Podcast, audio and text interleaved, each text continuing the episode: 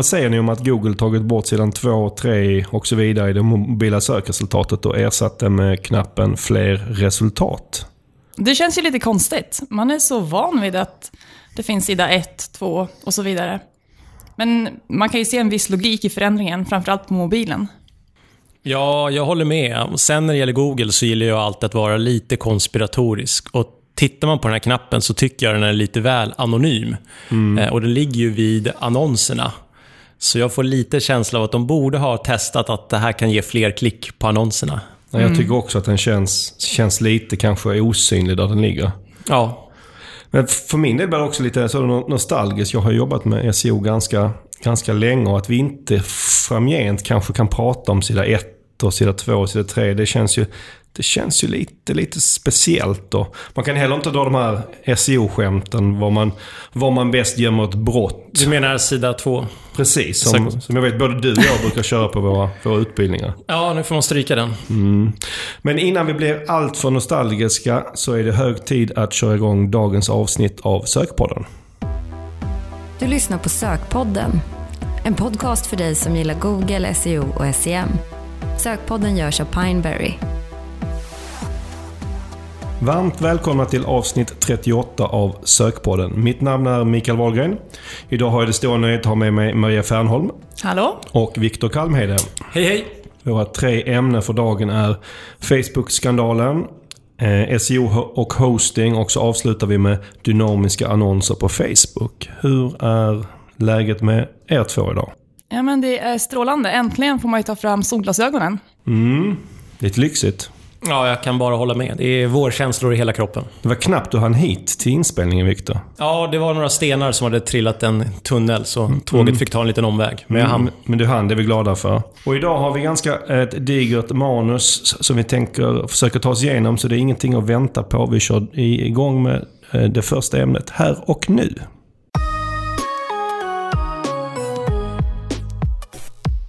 Vårt första ämne för dagen är Facebook-skandalen. Det är väl knappast någon som kan ha missat eh, detta om man på något sätt håller med i, hänger med i vad, vad tidningarna skriver. Förra avsnittet pratade vi om stormen kring Google och nu har det sen, sen förra avsnittet har det varit en ganska eh, stor om kanske möjligt större storm kring eh, Facebook. De vill inte vara sämre helt enkelt. Nej, precis. Det är nästan som att kunna tro att det var planerat. Att först kör vi Google och sen kör vi Facebook. Ja. Jag tror inte att det är så. Men det har ju skrivits spaltmeter om det och eh, herr Zuckerberg har till och med hunnit med att vara med i både senats och kongressförhör, eller utfrågningar, sedan, sedan vi körde sök på den förra gången. Eh, ni har hängt med i debatten. Jo då.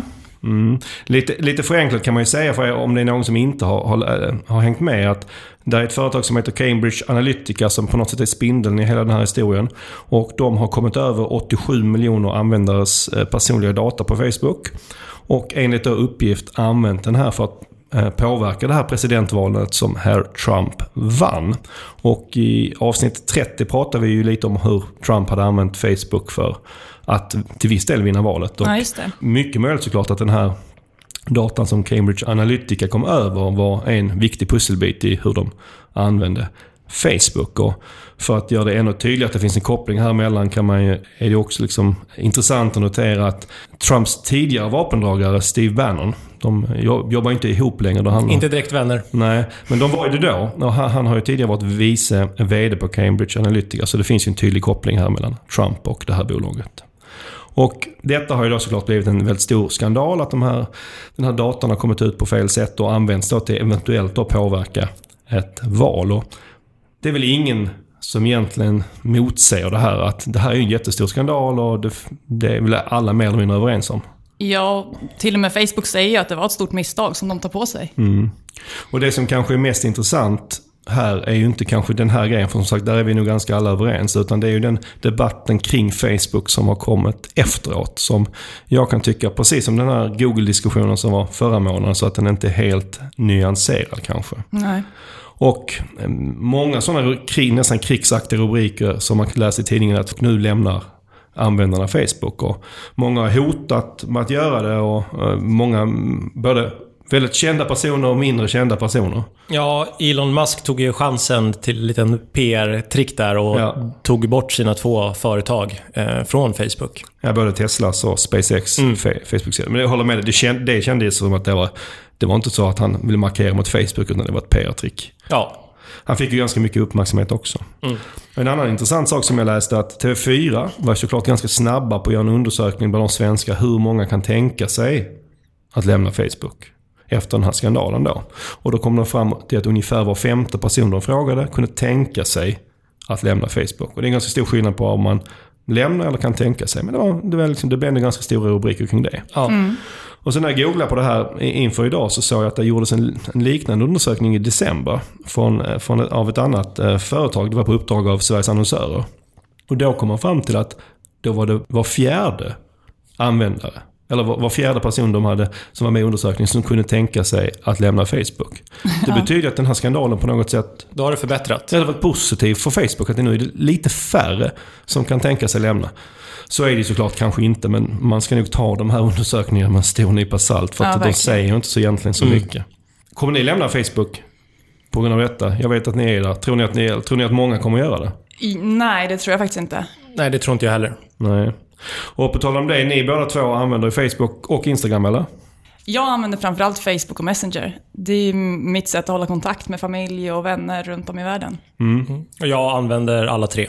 Och i transparensens namn här så kanske jag ska eh, berätta att jag inte använder Facebook överhuvudtaget. Och, eh, Det är en ganska, jag ska jag ska inte säga att det är en lång historia, men det var länge sedan jag tog det beslutet att inte vara aktiv på Facebook. Och det har ingenting med den diskussionen som är nu kring integritet och användardata att göra. Utan jag, när Facebook började blev stort så såg jag att de som använde Facebook, att de tyckte det var väldigt bra. Men det tog också väldigt mycket tid. Så jag kände att det här, jag, jag ska försöka hålla mig undan det här så att jag inte fastnar i det. Men du tror inte att du missar lite så här kalasinbjudningar och sådär som... Eftersom du inte är med på Facebook? Jag missar jättemycket, säkert. Alltså jag, eh, men jag tjuvtittar ibland. Via, min, min, min, min fru, min kära fru är ganska aktiv så att jag, jag kan få se saker via henne. Hon får vara ditt filter helt enkelt. ja. Men ibland händer det att jag får reda på saker senare än många andra för att jag inte finns på Facebook. Men även om jag inte är aktiv på Facebook är det ju ingen tvekan att jag tycker Facebook är en jättebra plattform för annonsörer att synas på. Det är ju därför vi erbjuder de tjänsterna på Pineberry såklart. För att det, det fungerar väldigt bra att annonsera där för, för väldigt många i alla fall. Ja. Bra, det var vår eh, transparensförklaring för det här ämnet. En sak som jag tycker är lite konstigt, har blivit lite konstigt i debatten, det är att folk är så förvånade att ens Facebook har ens uppgifter och de använder då ens uppgifter. Men det är väl det som är hela poängen med Facebook. Det är ju ett socialt nätverk. Precis. Ja, och vill man vara helt privat så kanske man inte ska vara på Facebook och Instagram. Nej, vill man vara anonym så är det ju kanske ett av de sämsta ställena man har. Precis. Så om man nu vill vara det så ska man nog inte vara på Facebook. Eller jag, jag kan inte riktigt förstå att man blir så arg över att det delas information på Facebook eh, generellt sett. Alltså Cambridge Analytica-soppan, det är ju en sak att det har missbrukats. Men att det generellt sett Facebook har så mycket information. Det förstår jag inte riktigt att man blir så upprörd över. Nej, Ja. och så kan man ju ändå tänka på vad man delar efter. Alltså Facebook frågar ju om ens intressen, ålder, kön. De vill ju veta så mycket, my- mycket som helst om dig. Men vad du väljer att svara på kan man ju ändå begränsa sig i.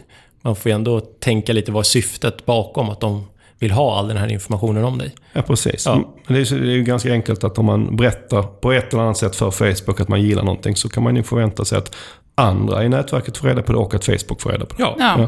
det är lite så hela grejen. Det är ju därför folk gillar Facebook. Det är liksom Ja, hela kärnan i Facebook. Så att det på något sätt, blir- ja, jag tyckte det blev lite konstigt i, i debatten. En annan sak som folk har blivit väldigt upprörda över, kanske framförallt då i de här senats och kongressutfrågningar som har varit. Där det kanske har suttit en del personer som, som inte riktigt har förstått Facebook. Och det har ju varit det här att Facebook riktar annonser utifrån ens intressen. Att de tycker att det är hemskt att man gör det. Vad tycker ni som använder Facebook? Vill ni ha riktiga annonser på Facebook eller vill ni ha generella annonser? Men jag tycker egentligen att det är ganska bra. Med riktade annonser? Ja, det tycker jag. För man, ja, men till exempel nu så har jag ett, ett stort trädgårdsintresse. Alltså jag ser gärna annonser från trädgårdsföretag där man kanske hittar ett nytt staket som man behöver. Mm. Hellre än någonting som du är helt ointresserad av? Ja, men verkligen. Ehm, det som jag stör mig på, som jag tror många stör sig på, och det är ju de här retargeting-annonserna. Det är ju när det blir för mycket. När man ser dem för ofta och man känner sig lite förföljd. Men det är en annan sak. Jag brukar nästan, alltså när jag har, är intresserad av någonting, att jag överdriver mitt intresse för det, för att få annonser. Eh, jag var sugen på att köpa en ny klocka och då, då liksom överdrev jag mitt klockintresse. Jag gick in på väldigt många sajter liksom och, eh, och klickade in på annonser och sånt där. Och då vart jag översköljd av annonser. Men det gjorde mm. ju till slut att jag hittade den klockan jag ville ha. Genom en annons? Genom en annons, för att jag fick mm. se så himla många. Det var, ganska, det var ganska smart. Det, alltså många kanske tycker att eh, Facebook manipulerar oss användare, men du manipulerade Facebook istället. Ja, det kan man säga. Det jobbiga är nu, det är att nu vill jag inte se klockannonser längre. jag vet inte hur jag ska få sluta med det. Du får det... hitta någonting annat du vill ha istället. Ja, precis. Som du får gå ut och ja. klicka på. Är det klockan som var på armen? Den var snygg. Ja, faktiskt. Tack. En annan fråga i senats och eh, kongressutfrågningar som jag tyckte var, den var kanske, jag ska inte säga att det var den bästa frågan, det var den som fastnade för mig när jag, när jag lyssnade på det och så, läste artiklarna efteråt. Det var eh, senator Durbin som frågade herr eh, Zuckerberg om han ville berätta vilket hotell han hade bott på natten innan. Och Zuckerberg han blev såklart väldigt lite förvånad. Han hade inte riktigt förväntat sig den här frågan. Och efter att ha funderat ett par sekunder så sa han nej det vill jag inte. Och senatorns poäng här var ju att, ja men du vill, du vill inte berätta vilket hotell du bodde, bodde på. Det tror jag alla vi förstår. Alltså, han är en väldigt känd publikperson. Han vill ju inte att det ska bli några... Att folk ska komma dit och eh, försöka hitta honom där. Nej, jag, jag förstår mm. att inte han vill berätta det. Men senatorns poäng var då att ja, men det är så Facebook fungerar. För att du kan ju checka in på ett hotell och berätta att du är på ett hotell. Eller så kan Facebook på andra sätt lista ut att du finns på det här hotellet. Och om du inte vill det, varför ska man då göra så på Facebook? Fast det är inte riktigt samma sak tycker jag.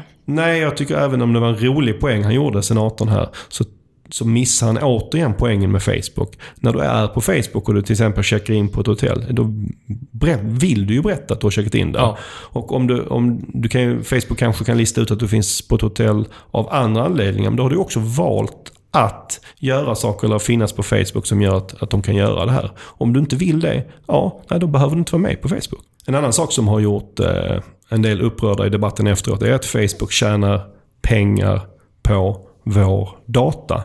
Man, man, man tänker att ditt trädgårdsintresse, till exempel Maria, att det är ditt intresse och nu tjänar Facebook på det och ditt klockintresse är ditt. Och så ja. tjänar, mm. De har ju bevisligen tjänat pengar på ditt klockintresse. För ja. de har visat massa annonser och du har köpt någonting. Så den här, i alla fall den som fick affären, är, den, den annonsören är väl hyfsat nöjd. Ja. Och jag kan till viss del förstå att man kanske kan tycka att det är lite sådär att Facebook tjänar pengar på detta. Men samtidigt det är inte unikt att företag tjänar pengar på sina kunders eller användares data. Det gör ju nästan alla företag. Som ett, sitter inne på mycket data? Ja, på ett eller annat sätt gör man det. Att man använder sina kunder eller använder sin data för att kunna tjäna ännu mer pengar. På ja. ett eller annat sätt gör man det. Jo, men så är det ju. Och du Maria, du tog upp ett bra exempel här innan vi började på som man kanske inte riktigt tänker på. Nej, och det är ju att även statliga bolag, ta Skatteverket, Transportstyrelsen och Bolagsverket säljer vår personliga data. Ja. Och, och det för mig tycker jag nästan känns värre. Ja, för det är ju vårt på något. Facebook är ju inte vårt bolag, men de här är statliga bolag, det är våra bolag. Och de säljer vår data för att tjäna pengar. Ja, så man kanske inte vet om det och man vet inte riktigt hur kan man, kan man bestämma själv att de inte får göra det. Ja, det vet jag inte exakt hur det fungerar, men jag, jag har inget minne av att jag har blivit tillfrågad av Skatteverket om de får sälja min data. Eller Bolagsverket. Men då, jag vet ju att de gör det. Och tjänar en hel del pengar på det. Ja, och, och du Facebook... måste vara med där tror jag. Det, du kan ju inte opt-out. Man kan ju inte inte vara med i Skatteverket. Inte, inte betala skatt. Nej, precis. Men med Facebook kan man ändå själv välja om man vill vara med. Annars så kan man bara klicka och så slipper man. Mm. Ja, det är väl det som känns som... Ibland kan jag, jag kommer ha sådana svaga minnen att jag har fått eh, utskick där adresskällan är något statligt mm. verk, att de har fått den därifrån. Och, alltså att få ur, det går säkert att få ur sig ur det här på någon vänster. Men det är ju inte jättelätt. Nu när vi har pratat så kan man ju kanske få känslan av att, att Facebook inte har gjort något fel. Eh, att de gör allting rätt, att de är det perfekta företaget. Och... Fast det är ju klart att de har gjort fel. Ja. Hela den här Cambridge Analytica-skandalen, soppan, är ju en... Det är ju fel. Ja. Och sen kan jag tycka då att de har kanske gjort samma miss som Google gjorde i, som vi tar upp att Google gjorde i förra avsnittet. Att de har inte varit transparenta med hur saker och ting fungerar. Och då blir ju folk sen förvånade att de har kanske inte varit så transparenta. Hade de varit väldigt utbildade kring hur annonser visas så hade kanske inte folk varit så förvånade nu och hur de använder datan. Då hade kanske inte, för oss är det kanske självklart för alla som lyssnar på den här sökpodden hur datan används, hur annonserna riktas. Men för gemene man, om man läser rubrikerna idag, så kan det inte ha varit givet för dem hur det fungerar. Så är det säkert, men jag tänker också att folk kanske inte har varit så intresserade tidigare. Nej, men så, så är det. Och nu när det här händer så börjar man liksom fundera över om, Ja. om hur det fungerar. Så kan det ju såklart vara. Och det är både Google och Facebook, när det väl börjar sippra ut, när skandalen kör igång, att de inte då lägg, liksom direkt förklarar hur det fungerar, utan de är så tröga Ja. i sin kommunikation att de inte förstår att nu, nu gäller det att lägga alla korten på bordet. Det är förvånande. Och, men där kan jag tycka att Facebook är lite bättre för Zuckerberg har ju verkligen varit tillgänglig och, och varit ute och gjort avbön. Kanske för att den här skandalen är några snäpp värre än Ja. Google- Google-skandalen. Men, men jag tycker även i tidigare grejer att han har varit ganska mycket mer ute och pratat och varit liksom öppen för att ta dialog. Jämfört med vad Googles högsta ledning gör. Jag, jag tror han tar det mer personligt eftersom det här är ju faktiskt hans skapelse från grunden. Det är ju, Facebook är ju han. Exakt, han är synonym med Ja. Facebook och man tänker på honom så fort man hör Facebook. Ja. Men, men Brin och Page är ju fortfarande aktiva på ett eller annat sätt i Google, så det är ju deras skapelse på något sätt. Man ser inte Ja. dem alls lika ofta i debatten kring sånt. Verkligen inte. Nej. Och det, alltså jag kan förstå dem också, att de kanske inte är så sugna på det. Men jag tror det är en fördel för Facebook att de har en ägare och grundare som ändå står där och står upp när det, när Ja. det blåser. Ja men precis, att det finns en människa bakom plattformen. Mm. Och sen går det inte att komma från att det är ju läskigt att då Facebook eventuellt kan påverka utgången i, val. Som det nu spekuleras kring att det har kunnat påverka att, att det var Trump som vann. Ja. Men även där så får man ju inte glömma att medier har ju alltid, om man nu ser Facebook som ett medium, har ju alltid kunnat eh, påverka ett val. ja, ofta olika tidningar har olika politiska inriktningar. Ja. Och de gör ju massa saker inför ett val och det påverkar ju såklart antingen om de gör det medvetet eller omedvetet så påverkar de såklart utgången på ett eller annat Ja. sätt. Och det är inte sällan heller även så att ta eh, SVT att de anklagas, rätt eller fel, för att kanske inte vara helt objektiva i sin, i sin bevakning av saker och ting. Så att, att det här, sånt här händer på andra ställen, att de också påverkar ett val, det är liksom inget nytt. Nej, Nej. verkligen inte. Och fake news, att det bara sprids på Facebook stämmer ju inte heller. I valtider brukar det ju finnas faktakoll till exempel, där tidningar till exempel undersöker vad som är sant av det som sades i en tv-debatt. Ja, och och sen kanske nivån på fake news kan vara lite olika. Alltså, när, det kan ju vara att en partiledare står och halvljuger. I, Ja. eller, eller medvetet eller omedvetet i, i, i någon debatt. På, på Facebook kanske det blir, kan det vara några nivåer till. Ja, Ja. Men, men, men att allting är sant på alla andra ställen, det stämmer inte det heller. Nej. Nej, det är väl att det är lite lättare att granska för det, det finns inte de här dark ads. Ja, och det känns ju, tror jag också, det känns värre att det är uttänkt fake news på Facebook. Och det här med, med, dark ads är ju faktiskt en av de sakerna som eh, Facebook har gjort. För att det som krävs för att de ska lösa det här, den här förtroendeproblematiken är ju att, att man är mer transparent med vad som har hänt. Ja. Och där med dark ads, det har vi pratat om lite tidigare. Där har ju Facebook tagit ett steg att det ska man inte kunna göra. I alla fall inte som om man gör politisk annonsering. Ja, just det. Att man ska kunna Annonserna ska kunna synas för alla i efterhand då, och då vara uppe för granskning. För en, kanske en faktakoll även, även på den typen av annonser. Vad tror ni eh, den 10 september i höst, dagen efter vårt val, kommer vi då eh, kunna konstatera att det var Facebook som avgjorde det svenska valet? Jag tror inte det. Jag tror att vi eh, svenskar, vi tror inte att vi påverkas av Facebook så mycket. Lite grann som, du brukar ju köra den här frågan när du, frågar, när du föreläser och frågar du om, om någon klickar på annonserna. Och det är ingen heller som säger att de klickar på annonserna. Så jag, upplever, jag tror inte det. Däremot tror jag att vi kommer diskutera huruvida det fanns en påverkan faktiskt i och med den här skandalen som nu har varit i USA. Så du, tror, så du säger du tror att vi kommer påverkas, men vi kommer inte tro att vi påverkas? Ja. Ja. Det ska bli spännande att se. Ser vi några andra praktiska konsekvenser i vårt arbete med annonsering på Facebook av den här skandalen? Ja, alltså det som har hänt nu det är ju det här att vi inte längre kan se storleken på anpassade målgrupper. Och det vet vi ju inte, men vi, det känns ju som att det eventuellt skulle kunna vara en, en konsekvens av det här. Att Facebook ökar sin... Alltså sitt skydd kring- integritet och sådär. Ja, men precis. För det var, det, Och- var, det var ju lite så luddigt varför de gjorde den här förändringen. Men det hade ju med integritet på ett eller annat sätt att göra. Ja, och på något sätt att man liksom inte ska kunna drilla ner på personnivå i de här grupperna.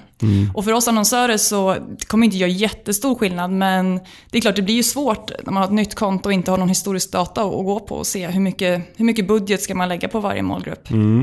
Spännande att se om det blir fler konsekvenser rent praktiskt för oss av, av den här skandalen.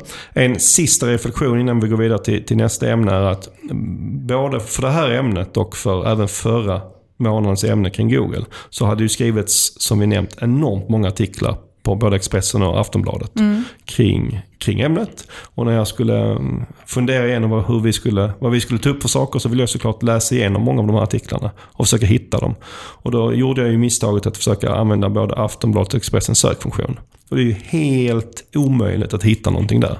Söker man på Facebook så hittar man att Facebook låg nere två timmar 2015. Det är den typen av träffar man får. Och det här är liksom en, litet, en uppmaning och en, kanske ett litet tips till, till Aftonbladet Expressen om ni, om ni lyssnar här. att Om ni inte vill bjuda på söktrafiken till Google, för jag fick ju googla fram Aftonbladet-artiklarna istället. Så är det hög tid att, att se över er sökfunktion. Bra tips. Då lämnar vi eh, Facebook-skandalen för idag och går vidare till dagens andra ämne.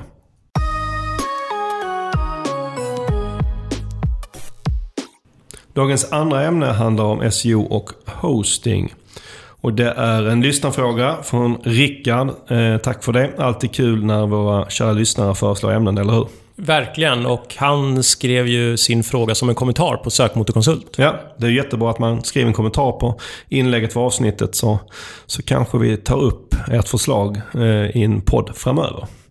Och Rickards fråga gällde eh, kring om man ta kan tappa i ranking om man byter webbhotell eller byter hosting. Och så idag så ska vi, tänker vi att vi ska djupdyka lite i det ämnet, SEO och hosting. Ja. Och, eh, vi, vi, men vi vill börja med en avgränsning för att det finns ju ett begrepp som heter SEO-hosting, eller hur Viktor? Ja, precis. Och det är ju inte eh, det vi ska prata om idag. Nej. För SEO-hosting, när man säger det, så brukar man syfta på att man har väldigt många olika sajter som man vill ha en hosting till där man sprider ut det på väldigt massa IP-adresser. Och eh, det är en intressant eh, ämne i sig, men nu eh, pratar vi om hosting och SEO från perspektivet att man har en sajt och vill få till hostingen så bra som möjligt för den från ett SEO-perspektiv. Precis. Och om man nu har det här, den här avgränsningen, det här, det här syftet. Vad behöver man ta hänsyn till Viktor för att ens hosting inte ska bli ett bekymmer för ens ranking? Ja, det är ju, det är ju väldigt många saker. Men mm. vi kanske kan börja med den viktigaste och det är ju hastigheten. Ja. Helt enkelt. Och där kommer ju, det, det, är ju någonting som har ökat i viktighet i, från Google under relativt lång tid. Och nu kommer det även här Google Speed Update i, i juli som kommer kanske... Ja, så det ligger verkligen på tapeten. Mm. Och det är någonting vi har pratat om under flera år nu. Att hastighet blir bara viktigare och viktigare med takt med att mobilen blir viktigare helt ja. enkelt. Och hur, hur påverkar hostingen ens hastighet? Ja, det är ju prestandan på servern helt enkelt. Mm. Att eh, precis som när du köper en dator så kan den vara olika snabb. Så är det ju även för en, en server. Och det som är lite unikt också, det är att du kan ju dela den här servern med andra sajter. Ja, ja. och kör man dem ofta som är lite billiga varianterna när man kör ett webbhotell då, det kanske inte alla tänker på, men då delar man ju inte sällan servern med kanske tusen andra personer. Ja, precis. Och beroende på hur många man delar med och hur mycket prestanda de behöver så, så kan ju ens egen prestanda bli påverkad negativt sätt. Ja. Och så här gäller det då att se till att man har, har den serverkapacitet som är rimlig utifrån vad man är för sajt. Liksom. Är man en liten sajt så behöver man kanske inte ha hur mycket serverkapacitet som helst. Men du måste ju ha så pass mycket så att du inte blir, blir långsam. Nej, den, det får inte vara en begränsning helt enkelt. Nej. Och det är utifrån hur många besökare du får. Mm. Och en sak som påverkar ens prestanda ganska mycket är ju, är ju på en sajt är ju bilder och filmer och sådana som är ganska tunga saker. Och har man en utmaning där så kan man ju använda sig av CDN för ja, sin precis. hosting. Det är ju CDN, Content Delivery Network. Ja. Och det är helt enkelt att du kan eh, fördela eh, resurserna. Mm. Så att du har en separat server för dina bilder och filmer. Mm. Som tar hand om de frågorna. Så då dels så delar du upp frågorna på två servrar och det blir snabbare på det sättet. Mm. Jag upplever att det är många som använder sig av en CDN. Det blir vanligare och vanligare. Mm. Men det är ju främst om du har en, en större sajt. Det, ja. det är ganska vanligt bland e-handlare idag att man mm. använder det. Och de har ofta, ofta också väldigt mycket bilder. Så att, ja, så att, precis. Då, då, har de ju behov Och det har en bra effekt också. Kan det här ställa till problem med CDN SEO-mässigt? Eh, ja, det kan det göra. För det, det en vanlig lösning det är att du sätter upp det som en kopia av hela din sajt på en annan server. Och då blir det ju en dupliceringsproblematik där som mm. kan uppstå. Så det får man ju tänka på. Eh, och det andra är att Google, man kanske råkar blockera Google från att spindla av den här CDNen. Mm. Så då kommer inte Google åt bilderna. Nej. Helt enkelt. Och då kan det ju vara att ens bilder rankar betydligt sämre på Google än vad de kanske gjorde tidigare. Liksom. Du, du kanske löser att de laddar snabbare, men du tappar ranking av, av, ja, an, av eller, andra Eller att de, inte, att de inte syns allt helt enkelt. Eh, och det man kan göra om man har en CDN, det är att man kan ju faktiskt eh, sätta upp Google Search Console på den. Mm. Eh, så att du ser hur Google tycker att det, det fungerar. Det är ett bra tips.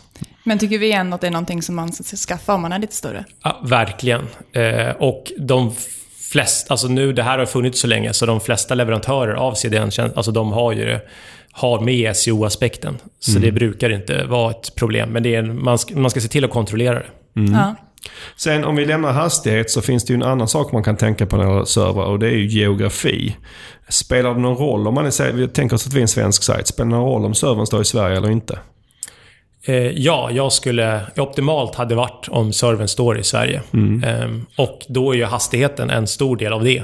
Då, och, och vad är det andra skälet, förutom hastighet? Det är att, det blir lokal, att du ligger på, i Sverige, att det blir en lokal anknytning helt mm. enkelt. Men hur viktigt är det liksom? Eh, säg att du, Victor, säg att du har en svensk sajt. Eh, om, du, om du då får välja mellan de här två alternativen. Att antingen har du det på ett lite långsamt svenskt webbhotell. Eller så har du på ett snabbt, en snabb server i, i Amsterdam. Vilken väljer du av de två? Då tar jag den snabba servern i Amsterdam. Mm, för, för hastigheten, du säger att hastigheten trumfar geografin. Ja, ja. Eh, ja precis. Om man tar det till sin ytterlighet. Ja. Mm. I den bästa världen vill du ju såklart ha en snabb server i Sverige. Självklart. Men, men det är inte alltid man kan få som man vill. Nej. Nästa grej som ofta man kommer upp man pratar kring när det gäller server är ju IP-adress. Och vi var ju lite inne på det tidigare att man, det är inte ovanligt att, eh, att man kanske delar serverkapacitet med andra sajter. Och då innebär det ju oftast att man också delar IP. Inte ja. alltid, men det kan vara så. Ja. Är det ett problem? Ja, det kan ju vara så att du delar IP med någon som Google inte tycker om helt enkelt. Eh, men det vanliga är att du delar IP med väldigt många andra om du delar IP. Och då, det är liksom, då sprids det här ut. Så det, då är det ingen fara. Nej, för det är inte alla av dem som eventuellt Nej. gör fuffens grejer. Nej. Nej. Det man kanske ska tänka då på också är att om man har delat IP så innebär sannolikt att det är väldigt många sajter på en server. Och då återigen kommer vi tillbaka till det här med hastigheten. Att det, det ja. finns ju en risk då att det är långsamt. Men det har ju inte med IP att göra. Nej. På tal om IP. Vill man ha ett svenskt IP eller vill man spela ingen roll? Kan man ta ett amerikanskt IP? Det är ju samma sak där. Optimalt är att det är ett svenskt IP. Mm. Om vi tänker oss igen att du hade haft den här, din, din sajt på den här snabba eh, servern i Amsterdam och du hade fått ett holländskt IP. Ja. Eller nederländskt kanske man ska säga numera. Ja, jag vet inte. Ja, de brukar bråka om det när det gäller sportsändning. Om ja, det jo, jag har hört den debatten också. Jag tror faktiskt att det är Nederland, nederländskt man ska säga. Så vi säger nederländskt. Om du hade haft ett nederländskt IP, hade du legat sömnlös över det? Det hade jag verkligen inte gjort. Det hade du inte gjort. Så att återigen, det är föredrar för ett svenskt men man kanske inte... Eh, där finns större saker oftast att lösa eh, SEO-mässigt på, på en sajt än just det. Ja. Men det finns väl andra sätt som du kan visa att du är lokal? Ja, det finns det. Det, det största är ju vilket språk du har på sajten. Google är ju inte dum. Mm. Eh, så har du, är det svenska på sajten så brukar Google förstå att det är en svensk sajt. Alltså det ska ju mycket till om du säger att du har din hosting i Amsterdam och du har ett nederländskt IP. Mm. Eh, men du har sajten på svenska. Det ska ju mycket till då för att de ändå ska tolka att du är holländsk. Ja, verkligen. Ja. Eh, eller nederländsk. Nu ja. det Finns det andra saker man kan, förutom att eh, själva språket på sajten, som man kan vi, använda för att visa Google att jag, jag jobbar på den här marknaden eller på det här språket? Ja, domänändelsen. Att du har .se är ju en tydlig signal att det är en svensk sajt. Mm. Eh, sen i Google Search Console så kan du ju ange mot vilket, vilken, vilket land du riktar sajten mot. Sen så har vi ju i HTML så kan du ange land och, och språk. Och så har vi den reflang-taggen där du kan tagga upp vilken Eh, vilket land och språk du riktar dig mot helt enkelt. Mm. Så det finns ganska många sätt ja. att göra det på. Oftast är det här väl en, en, någonting man behöver tänka på eller kalla det en utmaning när man jobbar på flera marknader. Finns man bara i Sverige så är, löser det här sig oftast själv. Ja. I 99 fall av 100 så fungerar det bra. Men det är om man märker att det är problem, då kan man behöva ställa in de här mm. sakerna. Rickard hade även en fråga kring namnservrar. Och undrade om det är en risk att man byter namnserver. Vad skulle du säga där? Nej, det tycker jag inte. Nej. Jag har heller aldrig varit med om att man har bytt namnserver. Att det, man på något sätt har misstänkt att det har ställt till det. Det skulle i så fall vara om, om man byter till ett, ett hosting. Att man flyttar sin domän till ett ställe där namnserverna är dåliga och inte Ja. fungerar. För att då kommer en sajt ligga nere mycket och då får du det problemet. Men själva bytet i sig ska inte vara ett problem. Nej. För min egen del så föredrar jag att eh, ha mina domäner på loop, ja. Och för jag upplever att det, det funkar bra där och deras namnserver, namnserver fungerar bra. Så det, och det är väldigt många andra som gör det, så det känns tryggt och bra. Ja. Sen hade Rickard också en, en fråga till en avslutningsvis som kanske inte har så mycket med eh, hosting att göra. Men jag tänker vi, i och med att vi är så glada för att Rickard föreslog det här ämnet så tar vi, tar vi såklart och svarar på den också.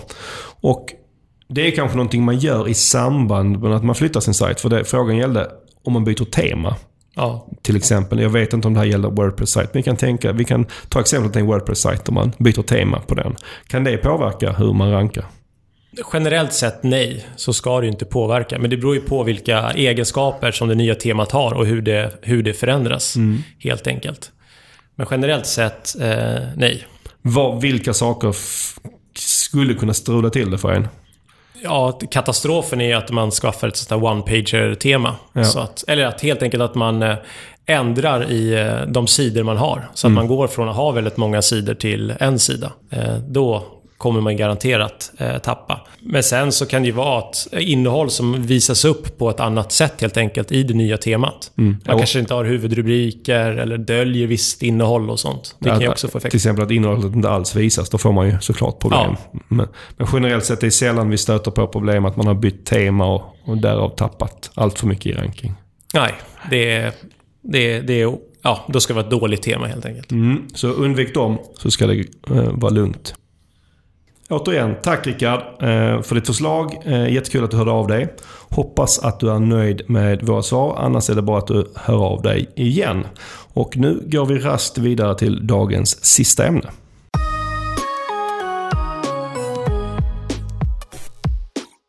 Dagens sista ämne gäller dynamiska annonser på Facebook. Och det här är ju ett lite nygammalt ämne för vi pratar redan om det här i avsnitt 13. Och vi försöker normalt sett kanske att inte ta upp samma ämnen igen. Men det har hänt så extremt mycket på den här fronten så vi kände att det, vi måste ta upp det här igen. Och när vi pratade om det då i avsnitt 13 så hette det DPA. Eh, Dynamic Product Ads. Men nu heter det bara Dynamic Ads. Eh, varför har de spolat bort P Maria? Jo, men det är för att det inte längre bara gäller för produkter. Utan det gäller även för tjänster. Ja, precis. Men det är egentligen inte den största förändringen. Nej. DPA, eller Dynamic Product Ads, var ju bara för retargeting. Alltså bara för befintliga besökare på sajten. Men nu kan man även nå ut till nya kunder. Och det är ju väldigt stort. Ja, för det här med att, att man kan ha nya kunder är ju... Det är ju det som många kanske kämpar med. Re- Retargeting funkar ju väldigt bra för att där, jag brukar säga att man fuskar lite. För att då har du redan marknadsfört dig mot de här människorna och du har möjlighet att marknadsföra dig ganska billigt och effektivt igen. Ja. Men, men att hitta de här helt nya kunderna som kanske inte ens känner till en, det är ju det som är det oftast det svåra. Ja, men precis. Och eh, Facebook är ju en väldigt bra kanal där. Det- Man kan nå ut till intressegrupper, det behöver inte ens finnas ett sökbeteende, vilket behövs på Google. Eh, så att kunna nyttja det här för de dynamiska annonserna är ju perfekt. Det, ja, och då, I vårt arbete så har det blivit en, en stor grej när vi jobbar med våra kunder att man kan använda det på det här sättet. Och, som ju, det har nästan blivit som Google Shopping är för våra AdWords-kunder. Alltså när det gäller e-handel. Att, att eh, det är kanske den, det bästa sättet att hitta kunder. Det effektivaste sättet att hitta kunder i många fall. Framförallt om du är e-handlare så att säga. Ja, jag skulle säga att det liksom nästan har revolutionerat hur vi jobbar med Facebook. Eh, och att det har, precis som Google Shopping, blivit mycket, mycket större och viktigare. Och alla e- e-handelskunder har nu Dynamic, product, eller dyn- dynamic Ads. Precis, det är lätt. Jag säger fortfarande DPA. Ehm, det ligger, ligger liksom kvar. Nej men det har blivit jätteviktigt och det är väldigt roligt att jobba med. Mm, och återigen, Google Shopping är ju bara för e-handlare. Det här är i alla fall teoretiskt sett, även om det är e-handlare som kanske har mest att tjäna på det även med dynamiska annonserna här, så, är det ju, så går det att göra för företag som inte är e-handlare också. Nej, precis. Och varför är det så bra?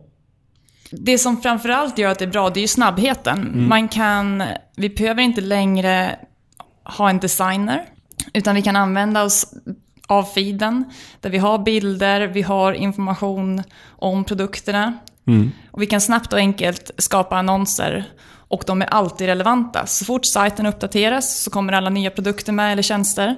Prisjusteringar, allting är aktuellt, relevant och vi behöver aldrig vara oroliga för att vi ska missa någon kampanj eller att någonting inte ska vara uppdaterat. För det här med att ta fram annonsmaterial och framförallt kanske ta fram annonsmaterial snabbt. Det är ju någonting som alla annonsörer på Facebook kämpar med såklart.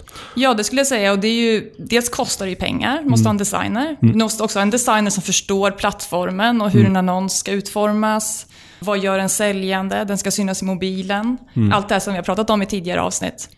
Och här kommer man runt det väldigt effektivt. Ja, här handlar det om att ha bra produktbilder på sajten. Har du bra produktbilder så kommer du att få bra annonser. Det som såklart behövs är en bra feed. Du måste ha en, en bra feed där du har bra information om dina produkter, priser, kanske om du har rabattpriser, bra bilder och generellt bra namn på dina produkter. Och finns det fler för fördelar? Jo, men det är ju det att det, det är lätt att skära den här feeden. Du kan skapa olika produktuppsättningar. Om man tänker sig att man har en cykelsajt, då kanske man har olika målgrupper som man vill rikta sig mot. Och då kan man till exempel ta fram en produktgrupp som innehåller din, alla dina bästsäljande herrcyklar.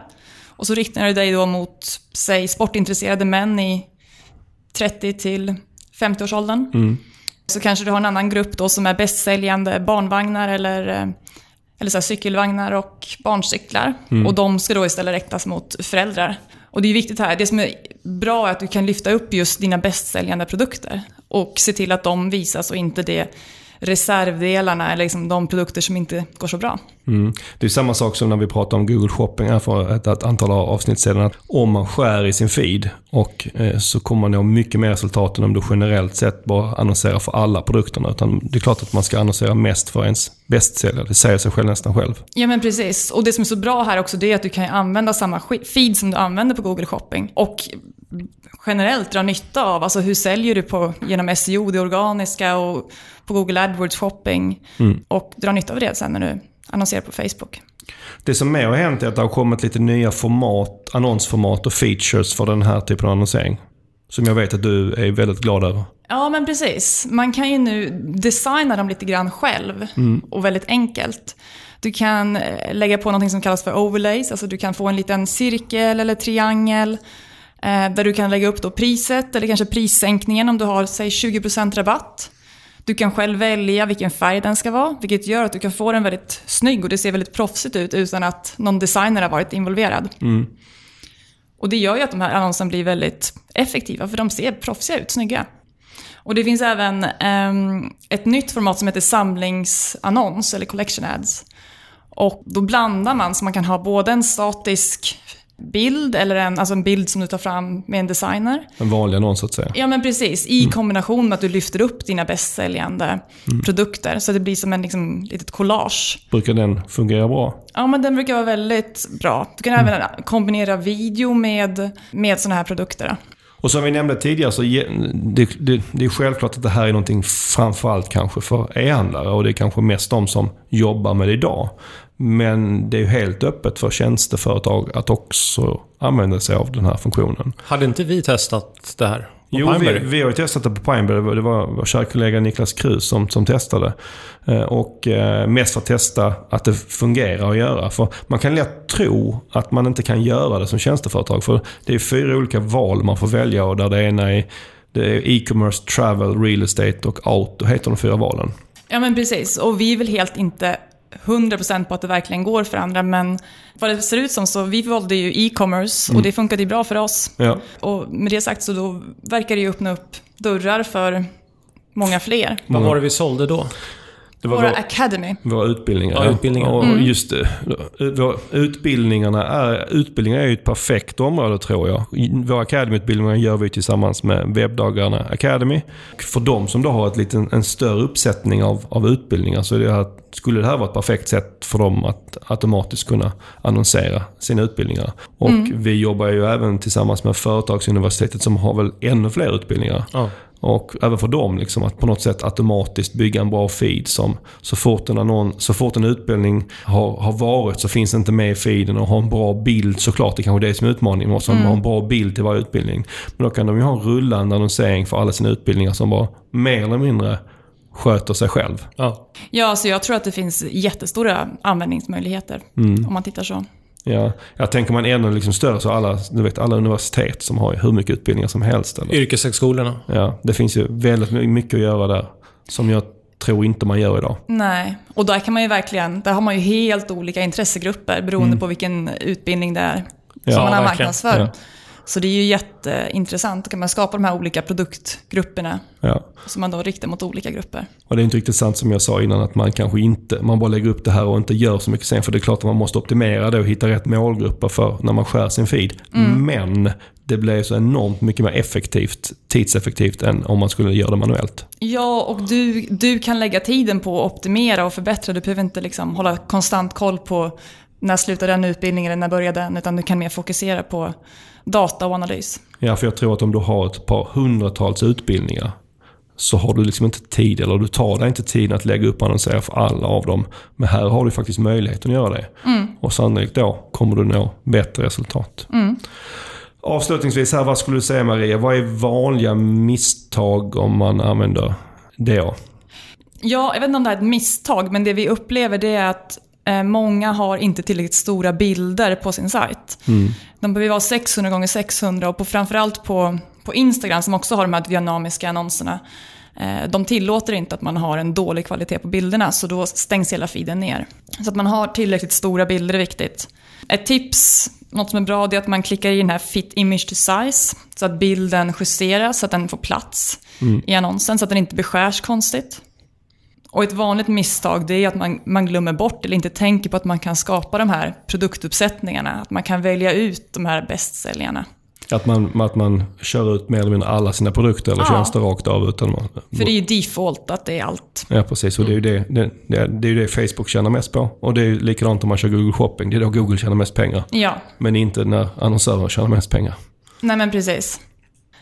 Men eh, annars så tycker jag man kan, man kan till och med ta sin vanliga konverteringskampanj och testa lägga till en sån här produktuppsättning och se om det funkar med en dynamisk annons.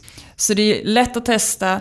Det som kan vara problematiskt, det är om man inte får till det här med pixeln. Mm, alltid denna pixel. Ja, jag hade faktiskt en kollega som sa till mig häromdagen att han var alltid ska det vara pixelproblem. Ja. Det, det, är, det är inte alltid pixelproblem, men det är klart, när man börjar annonsera då måste man se till att allting är på plats, annars kommer inte feeden att fungera. I det här senaste fallet som jag hade, då saknades eventen på sajten och det gör att då kommer inte triggas annonserna. Eh, Men det kan också vara att man har blandat ihop pixlarna och det ligger kanske fel pixel. Om man har flera olika konton så kanske man inte har gjort rätt. Eller så har man flera pixlar inne. Och det som upplevs kanske lite jobbigt med pixlar är ju det att det oftast krävs olika personer för att fixa till problemet. Så om du upptäcker att det är fel så kan du inte själv fixa det utan det kanske är två, tre personer på olika Ja. ställen som måste lösa det. Så det, Ja, men det är precis. därför man kanske oftast fastnar på pixeln på något sätt. Ja, det kan ju kännas... Det, ett, ett bra tips där är ju att bara ladda ner Facebook Pixel Helper. Då kan du åtminstone få en väldigt bra överblick för vad som funkar och inte funkar. Vad bra. Då tycker jag att vi har varit dynamiska så det räcker för idag och det är hög tid att börja avsluta dagens avsnitt.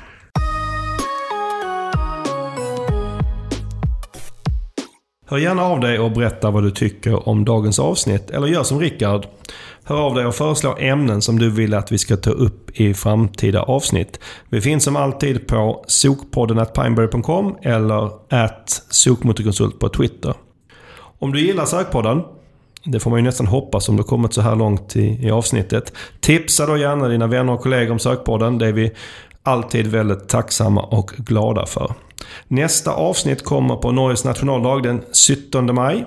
Tack för att du har lyssnat idag. Sköt om dig och njut av att våren har kommit. Vi hörs i nästa avsnitt. Tack och hej! Hej då!